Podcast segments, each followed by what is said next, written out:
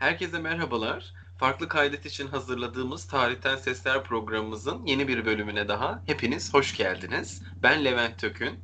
Ben Doğukan Atmaca. Bugün sizlerle programımızda önemli ve adını belki de sık sık duyduğumuz ama çok merak ettiğimiz bir insanın hakkında konuşacağız. Ve bu kişi Pierre Loti adıyla bildiğimiz ama aslında gerçek adının farklı olduğu, hatta çok da farklı olduğu tarihsel karakterden bahsedeceğiz. Tarihe belki sıkışmış olan hayat hikayesini size çekip çıkararak anlatmaya ve onun sesini bir kez daha yankılatmaya çalışacağız bu program aracılığıyla. Şimdi hemen vakit kaybetmeden Doğukan'la olan söyleşimize kaldığımız yerden devam edelim bu programda diye düşünüyorum. Doğukan bugün Pierre Loti ile ilgili bize ne söyleyerek başlamak istersin? Yani önce e, çocukluğuma herhalde gidiyorum. Pierre Loti ismini ilk duyduğumda e, pek anlam verememiştim ben. Pierre Loti'ye gideceğiz, Pierre Loti'ye gideceğiz deniliyordu. Yani ailemde, ailece gittik biz o e, tepeye, Eyüp'teki yere. Ama ben anlamadım. Hani Pierre Loti böyle garip geliyor. Hani sanki bir yabancı ismi. Sonradan tabii ki öğrendim ki Pierre Loti uzun yıllar Türkiye'de yaşamış ve hatta Türkiye ile duygusal bağları olan Türkiye sevdalısı diyebileceğimiz bir kimse ve o kafe, e, o tepe onun e, müdavimi olduğu bir e, mekanmış aslında. E, bunu tabii çok sonraları öğrendim. Dolayısıyla diyebilirim ki e, Pierre Loti 20. yüzyıl İstanbul hafızasında yer etmiş bir entelektüel ve biz Pierre Loti'yi aslında e, Türkiye'de yaşamış olmasıyla ve romanlarıyla biliyoruz. Fakat Pierre Loti aslında bir asker, deniz subayı. Evet. Bu kariyerine devam etmiyor. Dünyayı bir dünyaya açılış penceresi oluyor benim anladığım kadarıyla bu askeri e, kariyeri. Fakat daha sonra bırakıyor, istifa ediyor değil mi?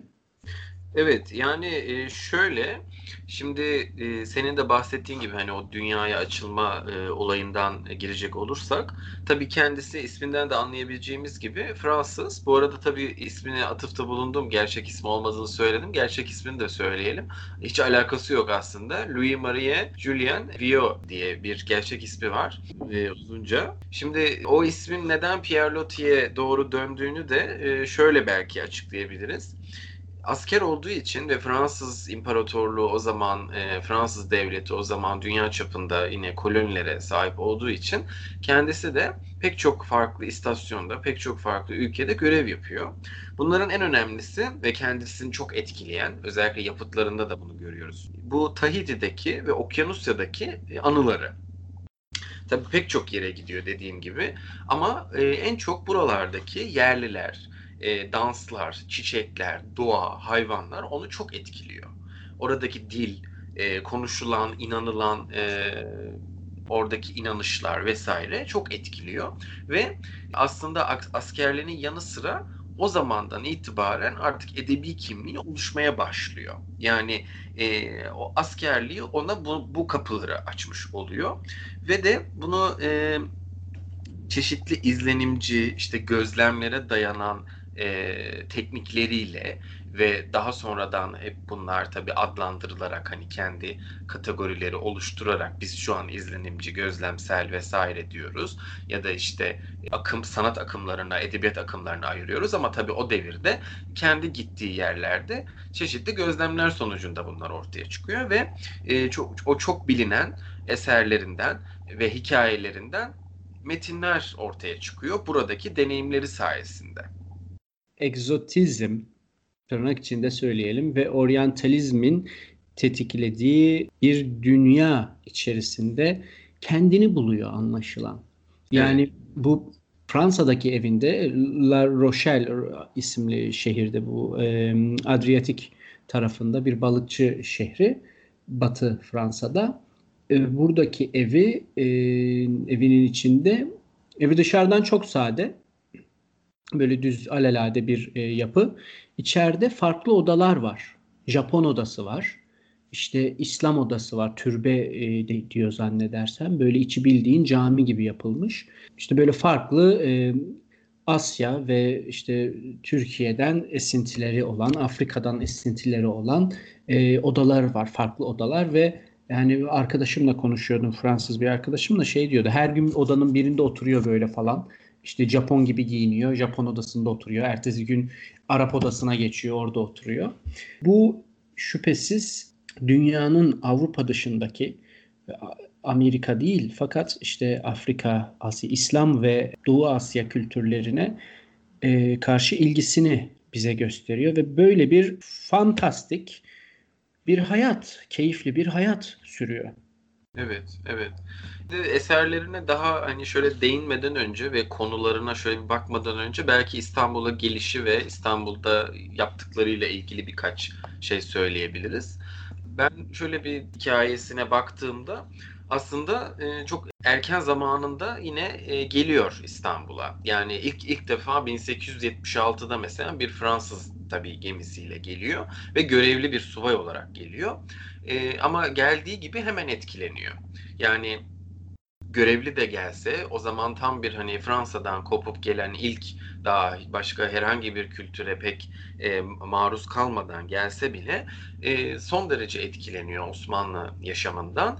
E, o saray ve çevresindeki e, herhalde törensel etkinliklerden, giyimden, kuşamdan, müzikten, çok büyük ihtimal yemeklerden etkilenerek ve İstanbul gibi tabii çok kültürlü bir kentten de etkilenerek ilerideki yazacağı eserlere e, bir altlık oluşturuyor. E, çok kısaca anlatmak gerekirse. Zaten bugün Pierre Tepesi denen o tepede tepe tarafında yaşadığı için Eyüp Sultan e, dediğimiz bizim daha genel olarak o bölgede yaşadığı için İstanbul'da kaldığı süre boyunca aslında çok daha farklı tarihsel yapıları da tarihsel mekanları da görebiliyor. Biliyorsunuz zaten e, tarihi yarımadanın e, artık son e, tarafından, semtinden bahsediyoruz. Hani Yerloti, Eyüp Sultan vesaire. Çok farklı kültürleri, çok farklı tarihi yerleri de görmüş oluyor tabii ki.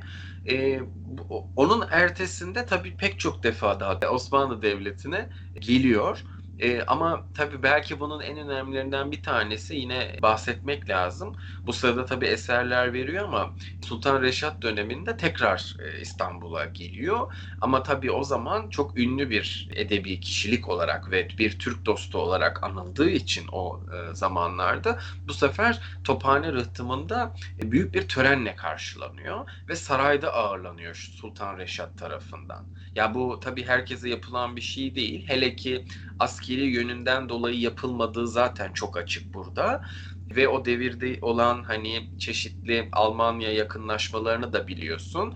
E, Alman da değil. Hani aslında bir Fransızdan bahsediyoruz. E, pek çok çelişkileri de içinde barındırıyor. Fakat çok büyük bir Türkiye aşığı olduğu için kendisine böyle bir iltimam gösteriliyor. Ki bence bu önemli bir şey. Şüphesiz. Bu ikinci gelişinde mi divan yolundaki evde kalıyor? Benim bildiğim yani şu ana çok ayrıntılı bir bilgiye sahip değilim ama Eyüp Sultan tarafında yaşadığını biliyorum. Çünkü şeyde divan yolunda tam hatta hemen e, türbelerin karşısında İkinci Mahmut Türbesi'nin karşısında ki bir binada küçük bir e, yapı hala ayakta orası. Orada kaldığını biliyorum ben. Hatta üstünde onun kitabe var. Hmm. Evet hem eski yazı hem yeni yazı hatta yani Cumhuriyet'ten sonra eski yazı olarak da 28'den önce yani. Ee, öyle hatırlıyorum. Tabii bilmiyorum. Sadece orada yaşamış olmayabilir. Ee, fakat o bölge İstanbul'un tam ortası göbeği ve yani genelde Levantenler, e, Fransız aileler, İtalyan aileler Galata ve sırtlarında yaşarlardı. Şişli, Osman Bey o taraflarda büyüdüm. Ee, bizim mesela hatırlıyorum çok yaşlı böyle İtalyan ama buralı yani İstanbullu komşularımız vardı. Hatta hala bugün İstiklal Caddesi'nin arka sokaklarında Fransızca konuşulduğuna şahit olabilirsiniz. Bu yani böyle biraz kaybolursanız eğer sokaklarda İstanbul'un küçük de olsa böyle Fransızca konuşan bir e, ana dili Fransızca olan nüfusu var.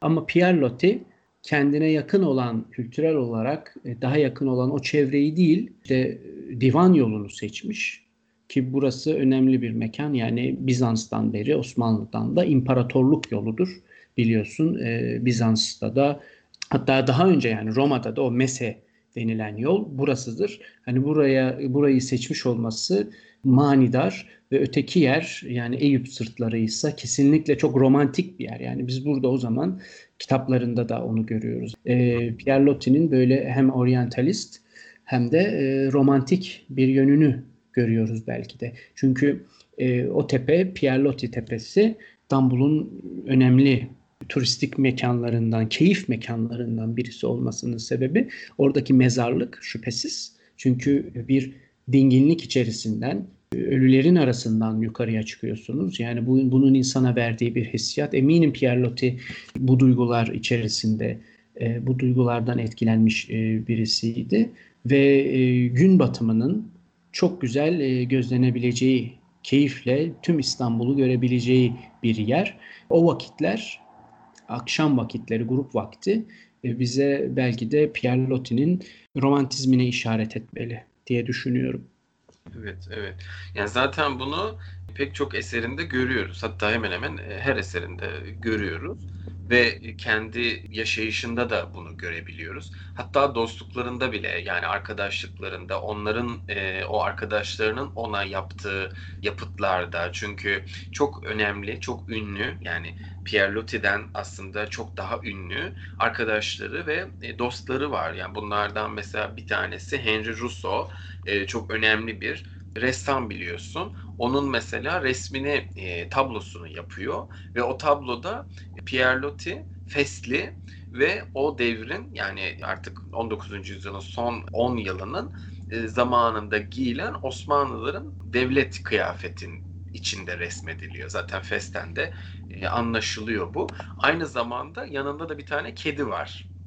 Yani çok büyük ihtimal o kedi de belki yani tabii ben o kadar ayrıntılı bilemiyorum ama belki de acaba hani İstanbul'daki kedilere bir gönderme mi bilmiyorum. Bu sadece benim bir e, tahminim. E, bunun yanında tabii Marcel Proust mesela yine bahsettiği bir kişi. Yani Marcel Proust'un da bahsettiği bir insan. O yüzden oldukça önemli olduğunu söylüyor. Yani Pierre Loti pek çok insanı etkileyen, pek çok insandan etkilendiği gibi bir sürü insanı etkileyen işte Henry Rousseau bunun içinde, Marcel Proust bunun içinde ve aslında belki de hiç tahmin edemeyeceğimiz eserleriyle etkilediği yani illa kişisel olarak tanışıklığı olmasa da eserleriyle etkilediği bir yapı var ki benim çok sevdiğim bir operadır bu aslında. Madame Butterfly operası Puccini'nin.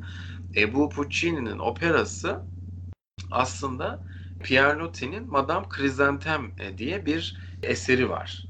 Yani çok da benziyor aslında isimlere e, bakacak olursak. Bu eserin konuları çok birbirine benziyor isimlerinin yanı sıra. Bu da Puccini'ye ilham verdiği söyleniyor. Hani operası açısından. Biliyorsun acıklı bir hikayesi vardır onun. Onun dışında aslında hani Marcel Proust dedik, bu Puccini'nin operası dedik, Henry Rousseau dedik. Tabii Türkiye'de de yani Osmanlı'da da o zaman hem sevenleri var hem sevmeyenleri var. Bu sevenlerinden ve onu destekleyenlerden yine bizim edebiyatımızda bir yeri olan, önemli bir yeri olan Abdullah Şinasi Hisar vardır mesela. Çok övgüyle e, bahseder Pierre Loti'den ve onun Türk düşman, e, düşmanı olmadığını, Türk dostu olduğunu ve e, Türklere çok yakın olduğunu, onları çok desteklediğini söyler. Nitekim bunu kuruluş yıllarından yani o ta Kurtuluş Savaşı'ndan başlayan bir destekte de bunu görebiliyoruz değil mi? Evet benim de e, bildiğim yani Fransız hükümetiyle e, yazışmalarda bulunuyor ki Türkiye'nin düşman değil. Onun bir kitapçığı var, risalesi var zannedersem Fransızca. Kim bizim e, müttefiğimiz kimdir gibi bir şey tam emin değilim isminden. E, ya da bizim için doğru müttefik mi öyle bir isim de yayınlanmış bir risalesi var. E, zannedersem orada e, yani Türkiye lehine e, Fransa ile Türkiye'nin dost olması üzerine yorumları var ve e, şöyle bir şey daha hatırlıyorum. Cumhuriyet'in ilanını göremedi. Değil mi? Yani 23 1923'te vefat etti fakat Cumhuriyeti göremedi. Tam savaş sonrası vefat etti evet. biliyorum. Evet. Yani her şey dingi, durgunlaşmış artık. Yani 23'te öldüğüne göre tabii. Ve Türkiye'ye bir mektup gönderiyor.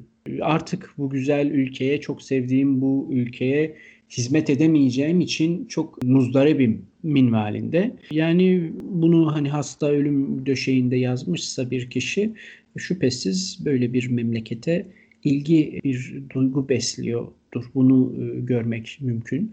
Zaten dilini öğrendi yani dil öğrenmenin bir etkisi de budur.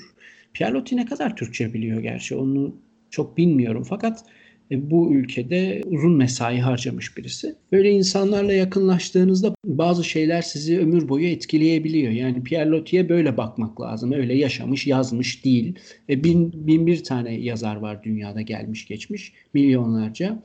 E, hepsi birbirinden farklı. Pierre Loti'nin de bu romantizmiyle belki ön plana çıkartmak gerekir. Bu kısmının e, bu yönünün altına çizmek icap eder diye düşünüyorum. Ben bu arada okuduğum kısa bir öyküsü var. Yeşil Cami Bursa'daki. Onu anlatıyor. Şimdi o kitap yaklaşık bir 40 sayfa olması lazım. Yani oldukça kısa. Fakat e, 3 günlük bir gezisini anlatıyor Bursa'ya. O devirde tabii Bursa daha da küçük yani çok daha neredeyse bir kasaba gibi bir yerden bahsediyoruz onun gittiği zamanki Bursa'dan.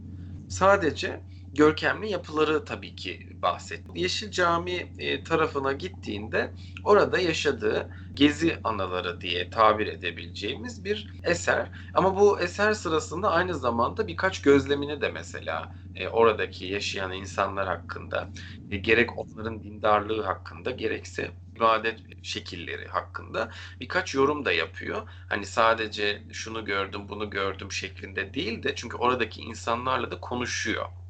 Ama buradaki konuşma benim anladığım kadarıyla bir çevirmen vasıtasıyla oluyordu. Çünkü zaman zaman böyle hani sanki o çevirdi, o söyledi gibi bir şeyler hatırlıyorum. Bir uzun bir süre geçtiği için üstünden tam olarak hatırlamıyorum ama çok da Türkçe bildiğini sanmıyorum. Yani hani iyi bir biçimde. Çünkü zaten o devirde Fransızca biliyorsun oldukça konuşulan bir dil. Yani İstanbul'da ve e, uluslararası arenada. O bakımdan çok da gerek duyduğunu da düşünmüyorum.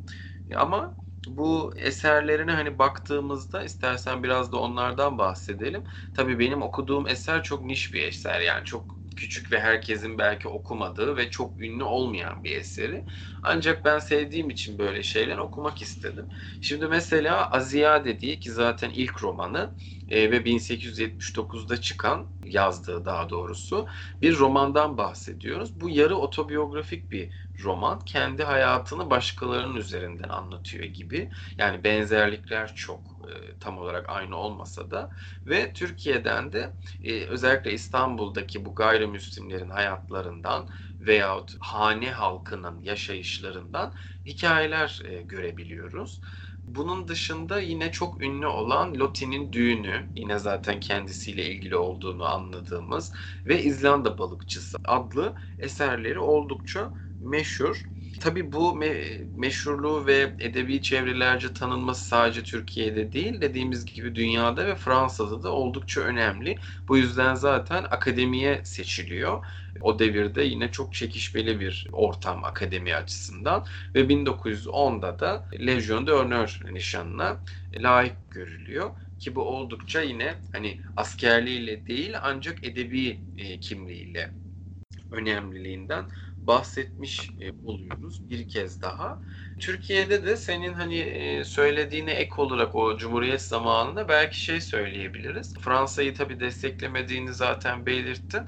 Bu hem Kurtuluş Savaşı sırasında hem de sonrasında Cumhuriyeti desteklemeye devam ediyor ve pek çokları tarafından da tabii Fransa'da çok eleştiriliyor kendi devletinin yanı sıra da. Ama bunun yanında tabii e, meclis ona bir teşekkür mektubu yolluyor bu e, süre zarfında. Fahri vatandaş hani İstanbul Fahri Hemşehrisi olarak kabul ediliyor ama tabii bu zaten e, Cumhuriyet'ten önce yani 1923 tabii Ekim olduğu için Cumhuriyet. Ben 1923'ten öncesinden bahsediyorum. Ona da tabii Cumhuriyet diyorum her seferinde ama e, Türkiye devleti olarak adlandırabiliriz. bu e, destekleri aslında çok ve bunlar pek de bilinmeyen hani bizim günümüzde yani belki Pierre Loti'ye gittiğimizde hani Pierre Loti ne bir edebiyatçı tamam hani belki geçebiliyoruz ya da belki edebiyatçı olduğunu bile öğrenemiyoruz gittiğimizde orada etrafta çünkü böyle bir bariz bir şekilde yazmıyor. Fakat hani bunları bilmek sonuçta İstanbul'un pek çok yerinde sadece Eyüp, Eyüp Tepesi'nde değil işte oradaki teleferiyle oradaki kahvesiyle değil ama işte senin de dediğin gibi yoluyla divan yolundaki ondan sonra lisesiyle ki lisesi de çok ünlüdür biliyorsun. E, hep aslında hayatımızın yani özellikle de İstanbul'daki hayatın çok içinde olan bir kişiden bahsediyoruz. Şöyle bakmak lazım.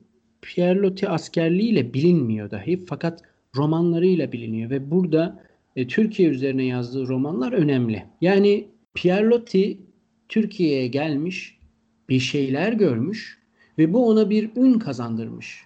Yani burada birazcık üretken bir gözle de bakabiliriz.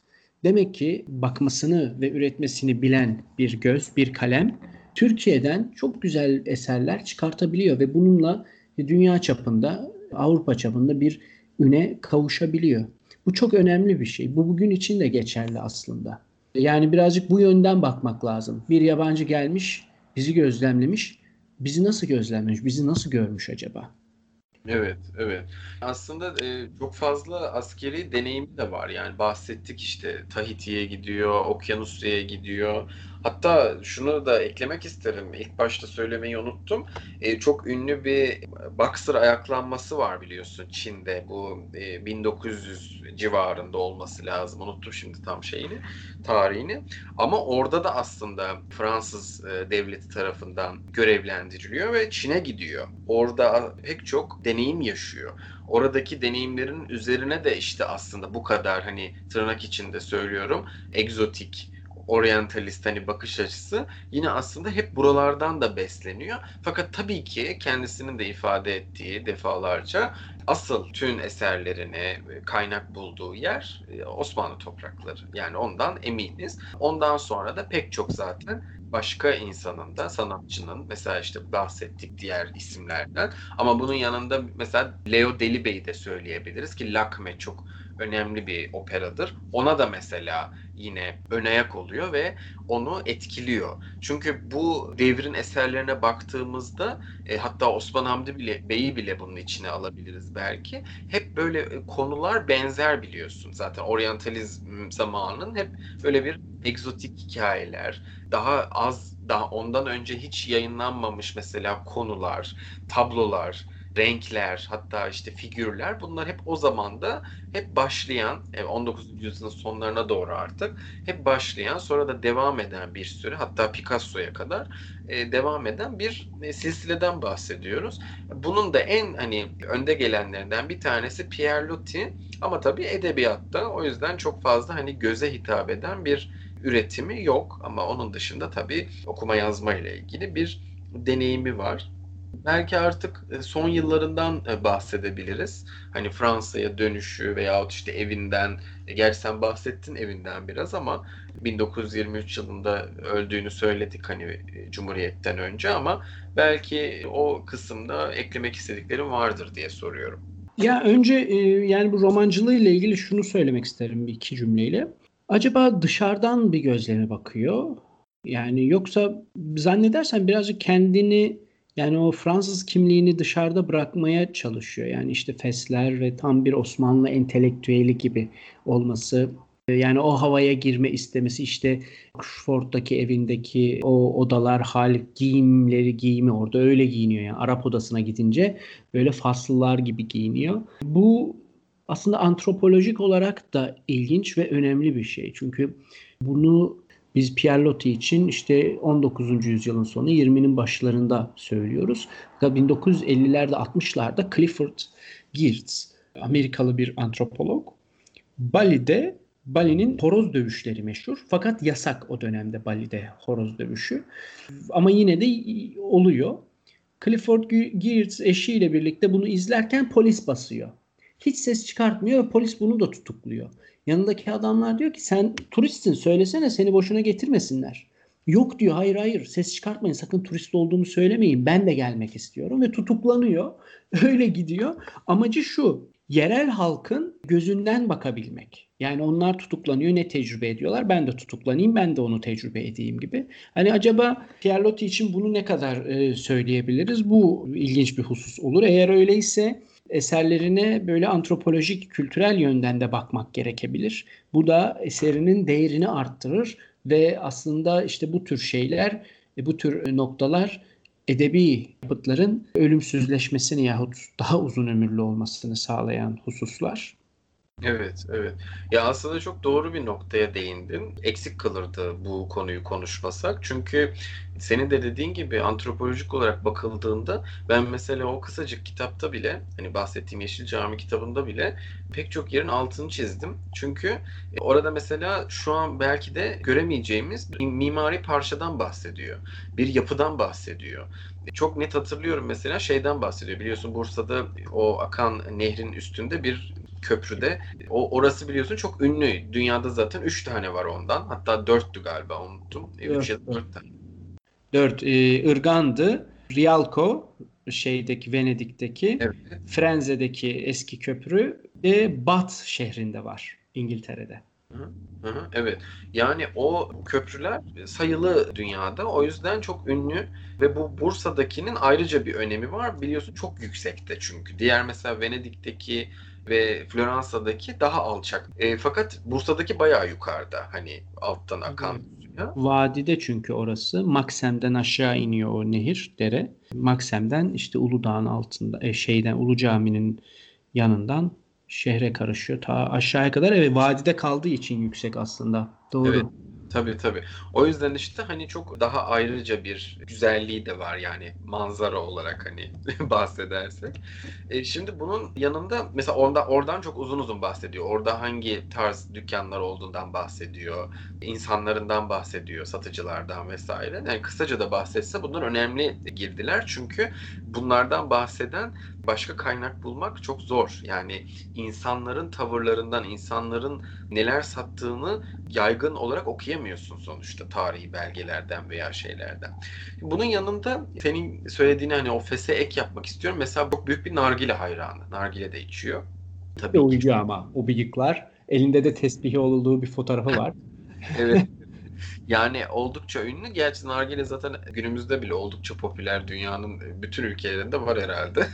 o yüzden hani bu tarz elementleri çok seviyor. Fakat tabii e, her oryantalist veyahut Avrupa'dan ya da Osmanlı dışından gelen insan gibi negatif yorumları da alıyor. Fakat yayından önce de konuşmuştuk. Nazım Hikmet'in bir şiiri var Pierre Loti'ye. Şiiri okumayacağım. E, bulup okuyabilir e, dinleyicilerimiz. Çünkü biraz da ağır bir şiir. Fakat Nazım Hikmet bunu tabii ölümünden sonra yazıyor. Yani e, Pierre Loti'nin ölümünden sonra yazıyor. Çünkü 1925 yazım yılı. Bunu o zaman ya- yazıyor ki onu bir şarlatan olarak zaten şiirin adı da o şarlatan Pierre Loti diye. Onu şarlatan olarak nitelendiriyor. Yani sanki hani geliyor Fransa'dan üstten bakıcı ve hani kendine nema çıkarmak açısından bu gözlemleri yaptığını, gezdiğini, işte yiyip içtiğini ve büyük ilgi gördüğünü, işte hem maddi hem manevi olarak çok büyük yerlere getirildiğini söylüyor. Ama o devirde tabii ki Nazım Hikmet'in yaşadığı sıkıntıları, onun ideolojisinin karşılaştığı zorlukları da düşünecek olursak hani onu da bir e, Türk olarak hani Nazım Hikmet kendi ülkesinde Pierre Loti kadar hani tırnak içinde bu benim kendi yorumum ilgi görmediğini veyahut destek görmediğini düşündüğü için de bunu yazmış olabilir. Gerçekten Pierre Loti böyle de olmuş olabilir. Tabi bu artık dinleyicilerimizin takdirine daha Pierre Loti uzmanlarının bilgisine diye belki böyle bir yorumla kapatabiliriz hani bu kısmı.